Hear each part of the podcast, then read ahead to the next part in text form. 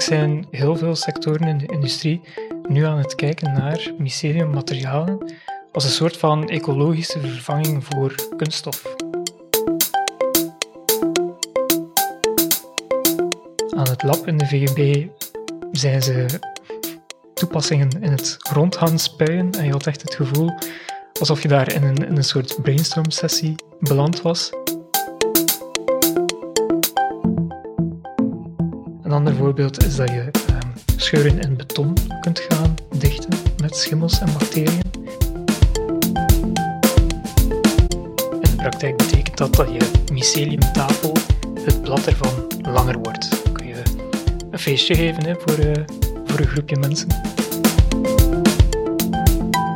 Een jas of schoenen van schimmels, een schimmelspray om scheurtjes in beton te dichten, isolatiemateriaal uit schimmels of zelfs meubels. Schimmels lijken het materiaal van de toekomst.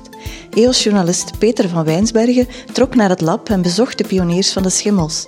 Je luistert naar Vraag het aan, een podcast van EOS Wetenschap. Dag Peter. Dag Lisbeth. Hoe rook het daar eigenlijk in dat lab? Naar uh, een schimmelige kelder of zo? Nee, het, rook daar eigenlijk helemaal niet muf. Um, er viel daar van schimmels eigenlijk heel weinig te merken. Er was een klimaatkamer, die is volledig afgezonderd van de rest van het lab. In het lab zelf heb je eigenlijk heel weinig met schimmels van doen. Enkel de afgewerkte schimmelproducten staan daar. En die geven geen geur af of rare luchtjes zijn daar niet uh, te merken. En in welk lab ben, je precies geweest? Of ik moet eigenlijk zeggen jullie, want je bent met collega Ilse Boeren op stap geweest. Ja, klopt. Wij zijn samen naar de VUB geweest. We hebben daar het departement Bio-ingenieurswetenschappen en Microbiologie bezocht, waar uh, Elise Elzakker, Lars de Laat en Simon van de Look ons een rondleiding hebben gegeven. En we zijn ook langs geweest bij de Universiteit Gent, bij het kantoor van Marianne de Meij. Allemaal bezig met schimmels, veronderstel ik. Ja, uh, maar wat is nu ook weer het verschil tussen schimmels en paddenstoelen? En er is ook sprake van mycelium. Ja, wel om te beginnen zijn er echt gewoon superveel schimmels. Momenteel zijn er 144.000 soorten bekend en wellicht zijn er nog veel meer uh, schimmels waar we geen weet van hebben. Er zijn heel veel soorten schimmels. Je hebt er die paddenstoelen aanmaken boven de grond. Dat is dan het vruchtlichaam van zo'n schimmel. Uh, en onder de grond zitten dan de schimmeldraden. En die schimmeldraden lopen dus uit op die vruchtlichamen, op die paddenstoelen. En eigenlijk zijn we hier vooral geïnteresseerd in die schimmeldraden. Het, het netwerk van die schimmeldraden noemen we mycelium. En het materiaal van schimmels, dat wordt gemaakt aan de VUB en aan de UGent, zijn myceliummateriaal, dus een netwerk van die draden. Ja, en waarom is dat mycelium zo interessant om dit te gebruiken als een soort uh, grondstof? Ja, omdat dat mycelium een aantal heel goede eigenschappen geeft. Die materialen op basis van mycelium zijn sowieso heel sterk, of je kunt die heel sterk maken. Tegelijk blijven ze ook heel licht van gewicht. Je kunt ze ook flexibel gaan maken. Ze isoleren ook heel goed. Ze zijn dikwijls ook goed bestand tegen vuur. Uh, ze laten ook geen water door. En eigenlijk zijn heel veel sectoren in de industrie nu aan het kijken naar myceliummaterialen als een soort van ecologische vervanging voor kunststofmaterialen. En is het inderdaad ecologischer dan kunststof? Want ja, kweekvlees bijvoorbeeld kwam nu laatst wel onder vuur omdat het uh, productieproces daarvan niet zo duurzaam is. Ja, um, mycelium is eigenlijk wel heel duurzaam. Het is een, uh, een natuurlijke grondstof die heel gemakkelijk groeit. Dat weten we allemaal, denk ik. Die groeit op, um, op een voedingsbodem natuurlijk. Je hebt dat wel nodig, maar die voedingsbodem kan gewoon landbouwafval zijn. Um, dus je hebt eigenlijk al een heel ecologisch begin, een fundament voor je schimmelmateriaal. Ze zijn ook biodegradeerbaar. En dat betekent dat je ze kunt laten afbreken, wanneer je dat wilt, door micro-organismen. Dus het afbraakproces is eigenlijk ook al heel ecologisch. Dus dat maakt het wel interessant om uh, op industriële schaal met schimmels aan de slag te gaan. Ja, laten we eens kijken naar de toepassingen dan. Hè. Ik uh, las in jullie artikel dat leer van schimmels, dat dat al redelijk ver staat. Ja, ze maken dat door uh, inderdaad dus opnieuw zo'n voedingsbodem te gaan gebruiken. In het lab aan de VUB hebben we gezien dat ze hennepvezels in een zakje stoppen, dat ze daar dan mycelium aan toevoegen, dat ze met dat zakje schudden, dan laten ze dat een tijdje ja, gisten, laten we zeggen. Dat betekent dat ze een tien à vijftiental dagen wachten totdat het mycelium, totdat die schimmel die hennepvezels volledig heeft gekoloniseerd uh, en dus eigenlijk heeft kunnen groeien op die voedingsbodem van hennep. En dan krijg je een goedje dat eigenlijk ja, een soort van mix is tussen mycelium en hennep of je, je voedingsbodem. En dan kun je daarmee verder gaan. Dan kun je die in een mal gaan stoppen, kun je daar blokjes van maken. Uh, en uiteindelijk ook een soort van leer. Dus je laat het eigenlijk groeien in een mal van, met de vorm van het materiaal dat je nodig hebt. Ja, klopt, klopt. Um, je kunt blokjes maken en die kun je dan versnijden in lappen. En dan heb je dus een leerachtig materiaal in een lab. Een extra voordeel van dat myceliumleer is dat je het eigenlijk in vrij grote hoeveelheden tegelijk kunt produceren. Uh, bij een koe heb je maar ja, zoveel koe waar je leer van kunt maken. Bij mycelium ben je eigenlijk in theorie onbeperkt. Je zou kunnen, als het ware, een zwembad vol uh, mycelium maken en dan heb je heel veel myceliumleer.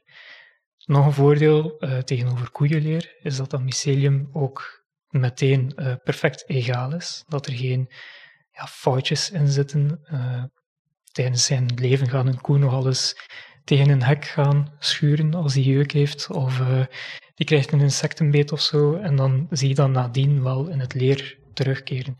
Bij mycelium is dat helemaal niet het geval.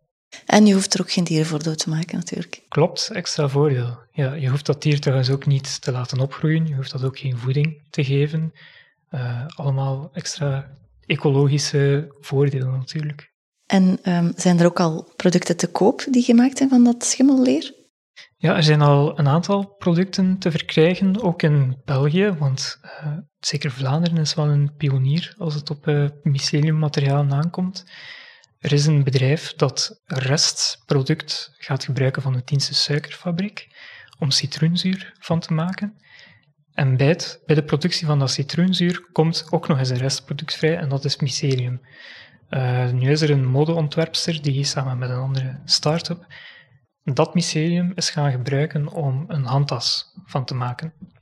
Uh, die handtas is nu al gewoon te koop in de wellicht betere kledingzaak. Uh, er is ook een luxe merk, Hermes, dat, uh, dat ook een mycelium handtas maakt. En Adidas werkt ook aan een schoen op basis van mycelium. Ik geloof dat die nog niet te koop is, maar dat zit er dus ook allemaal aan te komen en vrij binnenkort wellicht. En uh, dat is dan sterk genoeg, dat schimmelleer? Want ik zou denken, schimmels, je duwt daar zo door. Ja, inderdaad. Um, toen wij in het lab waren aan de VUB, Ilse en ik, hebben wij een aantal van die leerlapjes mogen aanraken en, en eens mogen voelen hoe dat, dat dan zit qua textuur en stevigheid. En eigenlijk is dat... Ja, je ziet natuurlijk wel dat het geen koeienleer is, maar in, uh, het gevoel is dat nauwelijks te onderscheiden van echt koeienleer. Dat is stevig, direct een klein beetje, dus het is ook wel flexibel. Um, dat moet ook eigenlijk op een bepaalde manier worden gelooid. Dus het proces lijkt wel een klein beetje op dat van echt koeienleer. Maar eigenlijk is dat gewoon een heel stevig, duurzaam materiaal waar, waar ik mezelf wel een, een tas of een, een rugzak of zo van zie dragen, eigenlijk, of een schoen. Je zegt uh, Vlaanderen is pionier in dit soort onderzoek naar uh, materiaal met schimmels. En er wordt bijvoorbeeld ook, las ik, onderzoek gedaan met levende schimmels, materiaal van levende schimmels. Hoe, hoe zit dat dan precies? Ja, Vlaanderen is inderdaad een pionier, vooral als het op die levende schimmelmaterialen aankomt. En hier zitten we eigenlijk in een een heel nieuwe ontwikkeling. Een onderzoek dat eigenlijk nog in de kinderschoenen staat, maar waar Vlaanderen dus heel sterk mee bezig is. Dat uh, levend mycelium onderscheidt zich van, van het mycelium waar we het daarnet over hadden, dat nu in de handtassen zit en zo. In die zin dat het um, heel nieuwe eigenschappen heeft. Het kan zelfhelend zijn, bijvoorbeeld. De mensen aan de VB die wij hebben nu gesproken, die hebben onlangs in de architectuurbiennale in Venetië zelfhelend leer geshowcased met een scheur in de midden. En dat leer gaat die scheur automatisch gaan dichten.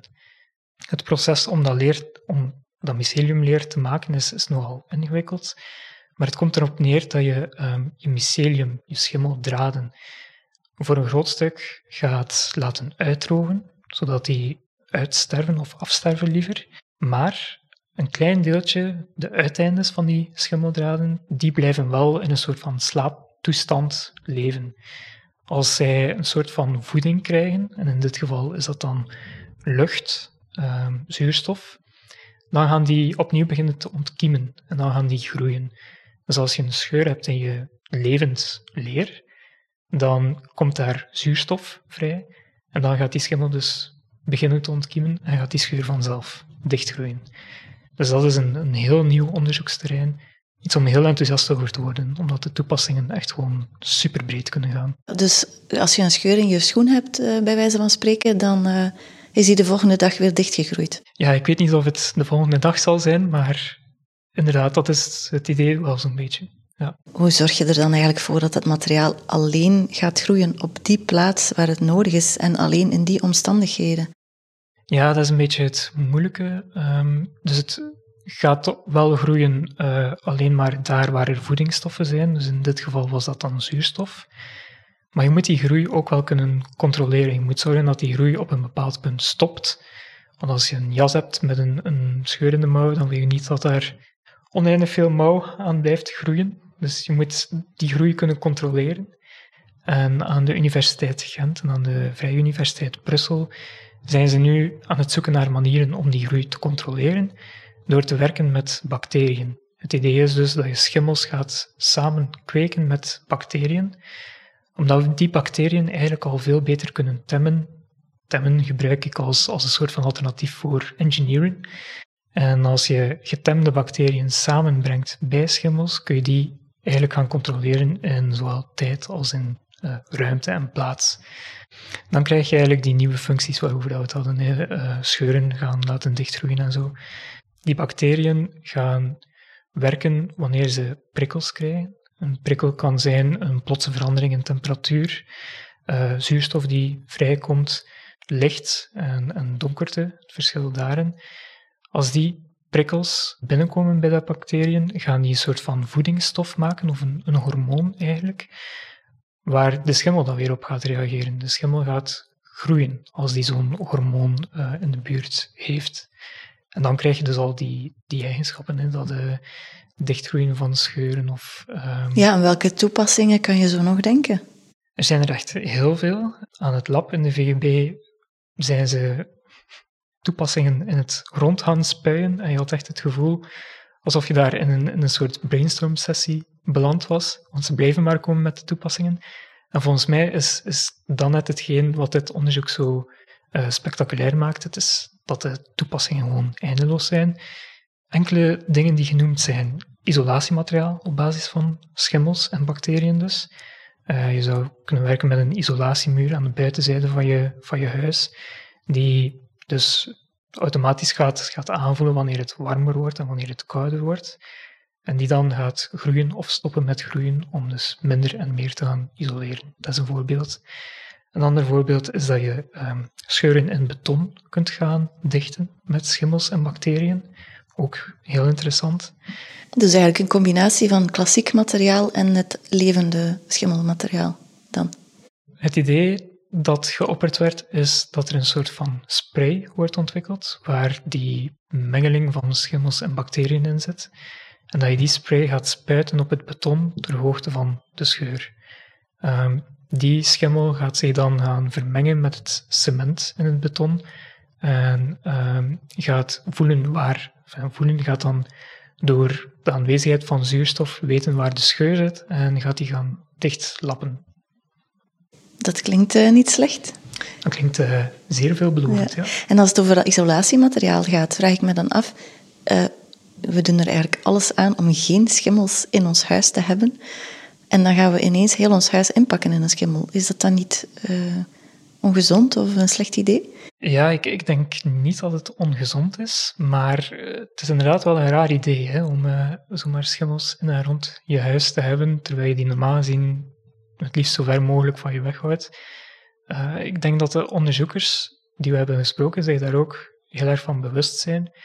En dat ze ook heel veel lessen hebben getrokken uit de genetisch gemodificeerde gewassen, waar het brede publiek en heel veel NGO's ook nog zeer weigerachtig tegenover staan. Dus zij zijn eigenlijk gaan samenwerken met um, artiesten die proberen de reputatie van schimmels uh, een beetje op te werken door ja, bijvoorbeeld um, kintsugi te gaan maken met schimmels. Dus kintsugi is een soort van techniek waarmee je kapotte borden aan elkaar lijmt. In dit geval is het dan met uh, kleine stukjes goud, maar je zou dat ook kunnen doen met die zelfhelende schimmels. De onderzoekers werken ook samen met een bioethicus en met een filosoof om een soort van ja, ethisch begrippenkader te gaan uitwerken, dat je dan in het lab als onderzoeker kunt gebruiken om meteen al te gaan nadenken over ja, die toepassing waar ik nu aan werk, is die wel ethisch verantwoord? Wat zijn de mogelijke maatschappelijke gevolgen van die toepassing? Dus ik denk dat dat wel een, een goede reflex is waar de onderzoekers uh, mee aan de slag gaan. Ja, dus ze gaan eigenlijk onmiddellijk de kritiek of de twijfels uh, zelf ook daarover nadenken en proberen die te ondervangen. Ja, inderdaad. Uh, die kritieken vooraf pareren is een goed idee om die schimmels wel wat meer acceptabel te maken in, in de maatschappij. Uh, nog een opvallende toepassing vond ik is meubels laten groeien. Uh, gaan we binnenkort uh, bij de IKEA een pakketje met sporen en een voedingsbodem halen in plaats van een zelfbouwpakket in hout of zo? Ja, dat is ook een van die, ehm, van die zeer gekke toepassingen die nog niet voor meteen zullen zijn, maar die wel doen dromen. Dus het idee is dat je een myceliumtafel in huis kunt halen, die dus bestaat uit schimmel en uit bacterie. En dat je dan een spray zou kunnen spuiten op die tafel. In die spray zit een, een soort van stof die een prikkel uitstuurt. De bacterie in de tafel die gaat die prikkel herkennen en gaat erop reageren door een uh, groeihormoon aan te maken. En dan gaat de schimmel in de tafel reageren op zijn beurt op dat groeihormoon en gaat die beginnen te groeien. Dus uh, in de praktijk betekent dat dat je myceliumtafel het blad ervan langer wordt. Dan kun je een feestje geven hè, voor, uh, voor een groepje mensen. En kan je die tafel dan weer laten krimpen als het feestje voorbij is? Dat is een zeer goede vraag waar ik het antwoord uh, op moet schuldig blijven, vrees ik. Kan je eigenlijk zelf thuis ook aan de slag met die schimmels? Ja en nee. Um, je kunt die schimmels natuurlijk heel gemakkelijk laten groeien, allerlei soorten schimmels. De schimmels waar de onderzoekers die wij spraken mee aan de slag zijn gegaan, zijn voornamelijk elfenbankje.